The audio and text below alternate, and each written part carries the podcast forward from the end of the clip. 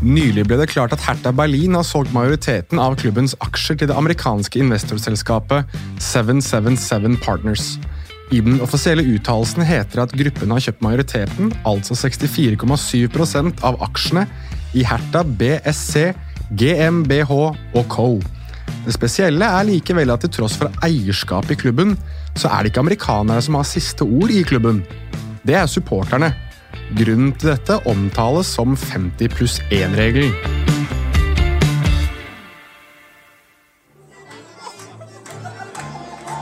Tradisjonelt har klubber i Tyskland vært ansett som idrettsforeninger, slik man i stor grad har i Norge, der man ikke har noen enehersker, ei heller én eier.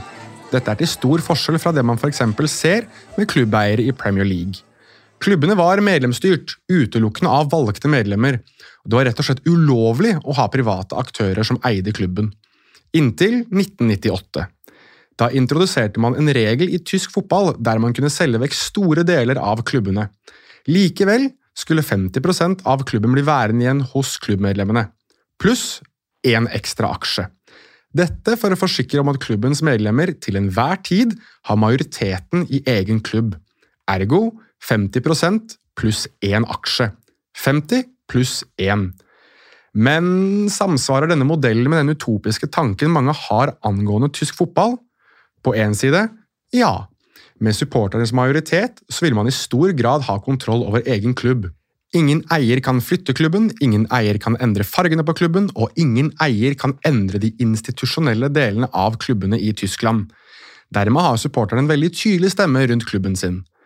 Men det åpenbare spørsmålet her er da, hvis man kun kan eie litt under 50% av en klubb, hvordan har det seg da at 777 Partners har kjøpt opp 64,7% i Herta?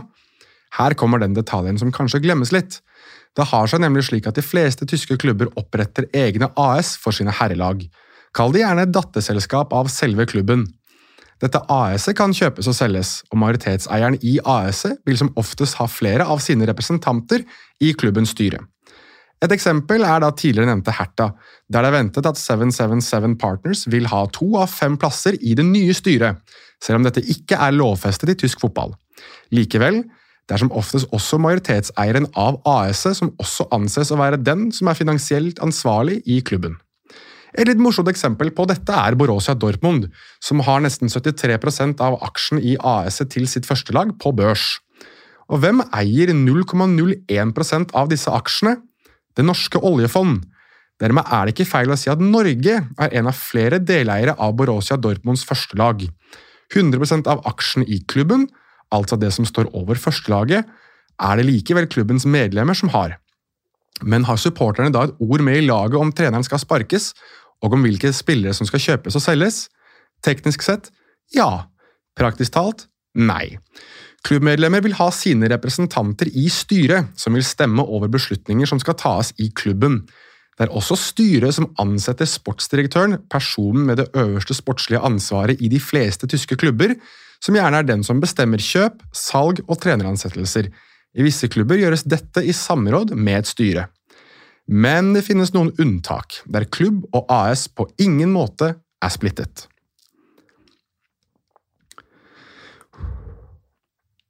Eksempler på klubber som er eid av enten enkeltpersoner og firmaer, er Bayer Leverkosen, som ble opprettet i sin tid av medikamentselskapet Bayer i 1905, og VFL Wolfsburg, som ble stiftet av billeverandør Volkswagen i 1945.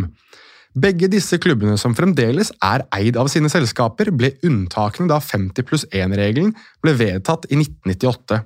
Simpelthen fordi man så det som urimelig at disse klubbene skulle endre sin evige praksis grunnet 50 pluss 1-regelens innførelse. Dette har blitt omtalt som Lex Leverkosen, Leverkosen-regelen. Det er nemlig en bestemmelse i det tyske fotballforbund som sier at dersom en person eller et selskap har investert i en klubb i over 20 år, så kan man søke om retten til å kjøpe klubben. Denne bestemmelsen kom som følge av en lang og offentlig debatt mellom det tyske fotballforbund og Hanover 96-president Martin Kind. Kind var nemlig alt annet enn vennlig da debatten med det tyske fotballforbundet sto på som verst. Debatten der Kind bl.a. truet med å anmelde forbundet til Den europeiske domstol, endte med at fotballforbundet beholdt 50 pluss 1, men valgte å skrote Leverkosen-regelen i 2011. Dermed kunne investorer som kunne vise til over 20 år med god investering i klubben, søke om retten til å kjøpe klubber av det tyske fotballforbundet. Ironisk nok viste det seg at Kind ikke hadde investert nok, samtidig som Hanovers mest hardbarka supportere protesterte mot hans oppkjøp. Dermed ble hans søknad avvist, men døren var åpnet for andre.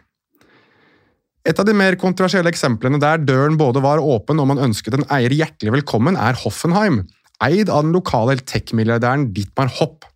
Han investerte i Hoffenheim for første gang i 1990, da klubben var i fritt fall nedover i divisjonssystemet i Tyskland. Ved å stadig gjøre mer penger tilgjengelig, i tillegg til å bygge Rein Neckar Arena, Hoffenheims hjemmebane, suste Hoffenheim, som blant annet ble omdøpt til Hoppenheim, opp ligatabellene. I 2008–2009-sesongen var Hoffenheim i det gjeveste selskap nesten 20 år etter at Dietmar Hopp hadde startet sin investering. Noen år senere søkte Hoffenheim og Hopp om unntak fra 50 pluss 1-regelen, og i dag er Dietmar Hopp den eneste enkeltpersonen som eier en klubb i Bundesligaen. Men den kontroversielle biten Hopp er det nærmeste man har kommet en rik oligark eller en spandabel oljesjeik i tysk fotball. Store spillere har blitt hentet, og man anser driften som uetisk og skitten på bakgrunn av at det er én person som styrer skuta. I tillegg, selve byen Hoffenheim har et innbyggertall på litt over 3000 innbyggere, mens området de tilhører, Sinsheim, har nærmere 35 000 innbyggere. For å gi en slags pekepinn. Du kan doble antallet mennesker i området Sinsheim, plassere de alle inne på Signal Iduna Park, hjemmebanen til Borussia Dortmund, og fremdeles har du om lag 10 000 plasser til overs. Dermed er det flere som mener at Hoffenheim i større eller mindre grad er blitt en reklameplakat for Dietmar Hopp og hans virksomhet. En annen klubb som har vært i folks søkelys, er klubben RB Leipzig. I 2009 ble nemlig energidrikkgiganten Red Bull enig om å kjøpe lisensen til klubben Markranstedt, som ligger noe vest for Leipzig. Etter å ha fått navnet Red Bull Leipzig avvist av det tyske fotballforbundet, som mente navnet var for sponsorpreget, ble løsningen RB Leipzig. Nå tror du sikkert RB står for Red Bull, og sånn sett har kanskje Red Bull vunnet med det som nok var hensikten her. Men egentlig står RB for rasenballsport, eller gressplensport, som dette oversettes til. Et høyst uvanlig navn også i tysk fotball. RB Leipzig er en klubb vi fort skal tilbake til i Fotball forklart, men i denne episoden ser vi heller på hvordan Red Bull, et konglomerat, har kommet seg rundt 50 pluss 1-regelen. Som vi allerede har vært inne på, grunnet 50 pluss 1-regelen så kunne ikke Red Bull teknisk sett eie hele klubben. Løsningen på dette ble likevel å fatte noen vesentlige endringer på medlemssiden. Hos klubber som Bayern München og Borussia Dortmund har man nemlig godt over 100 000 betalende klubbmedlemmer. For 2022-2023-sesongen koster det 60 euro å være medlem av Bayern eller Borussia Dortmund. Da RB Leipzig suste oppover ligasystemet i Tyskland, var prisen på et medlemskap drøye 1000 euro, og klubben hadde kun 17 offisielle medlemmer. Majoriteten av disse medlemmene var enten ansatt i Red Bull eller hadde sterke forbindelser til Red Bull. Slik som de andre klubbene opprettet RB Leipzig et AS for sitt herrelag, og dette er eid 99% av Red Bull. Den siste prosenten eies av klubben RB Leipzig, hvis styret fremdeles har flere Red Bull-ansatte. Denne miksingen og triksingen med 50 pluss 1-regelen fra RB Leipzig har skapt en debatt. Er virkelig 50 pluss 1-regelen god for tysk fotball? I fem av de seks siste sesongene har de spilt på øverste nivå i tysk fotball, og de har endt blant topp tre. Den sesongen de ikke gjorde det, altså 2021-2022-sesongen, vant de den tyske cupen. De spiller enten Europa League eller Champions League og har på rekordtid blitt en maktfaktor i tysk fotball. I 2009 foreslo Hanover-president Kind å gå vekk fra 50 pluss 1-regelen. Da de 36 klubbene på de to øverste nivåene gikk til valgurnen, var resultatet likevel ganske tydelig. 32 klubber stemte for å beholde 50 pluss 1, tre klubber ønsket ikke å avgi stemme, og én klubb stemte for å fjerne 50 pluss 1, og den klubben var Hanover.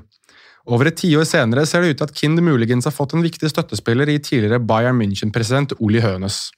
Sitat, Dersom Bundesligaen, og dette gjelder ikke Bayern München, ikke kaster 50 pluss 1-regelen, så kommer vi til å ha store problemer med å kjempe på den internasjonale arena, sitat slutt, sa Hønes til Noya Osnabrücker Zeitung i 2022. Sitat, Det er et stort gap mellom tysk fotball, fransk fotball med unntak av PSG, og italiensk fotball, sammenlignet med klubber fra ligaer som har amerikanske og arabiske penger. 50 pluss 1-regelens hensikt har vært og er fremdeles å vedlikeholde supporternes interesser i den tyske fotballen. Samtidig er frykten der for at den tyske fotballens evne til å konkurrere muligens ikke vedlikeholdes i like stor grad av de åpenbare begrensningene som kommer med regelen. I mars 2023 er likevel status slik at det tyske fotballforbundet ønsker å stoppe flere klubber fra å benytte seg av smutthullene skapt av Kind, Hopp og RB Leipzig. Såpass langt har det gått at de har sendt inn en offentlig søknad til myndighetene om å forby denne typen eierskap. Dette sammenfaller også med at Dittmar Hopp, mannen som åpnet slusene, har indikert at han nå ønsker å levere Hoffenheim tilbake til deres supportere, selv om han ønsker å bidra til klubben. Tysk fotball har dermed fått en slags smakebit på den moderne fotballen, der klubber kjøpes, selges og eies av rike investorer. Og så langt har tysk fotball bestemt seg for at det er en smak de ikke liker. Og så vil tiden vise om dette er en type smak som man må vokse seg glad i, og siden finne kjærkommen, eller om dette er den ene smaken du aldri, noensinne, vil ha noe å gjøre med så lenge du lever. Dette var det for Fotball forklart for denne gang. Jeg vil rette en stor takk til eh, Niklas Wilhagen at Normusings på Twitter for å ha hjulpet med informasjon til denne podkasten. Øvrige kilder er Bundesliga, Rabona TV, TIFA Fotball, Get German Football News, Bavarian Football Works, Reuters, The New York Times, ESPN, Kicker, mdr.de, Daily Mail, RB Leipzig sin hjemmeside og Hoffenheim sin hjemmeside.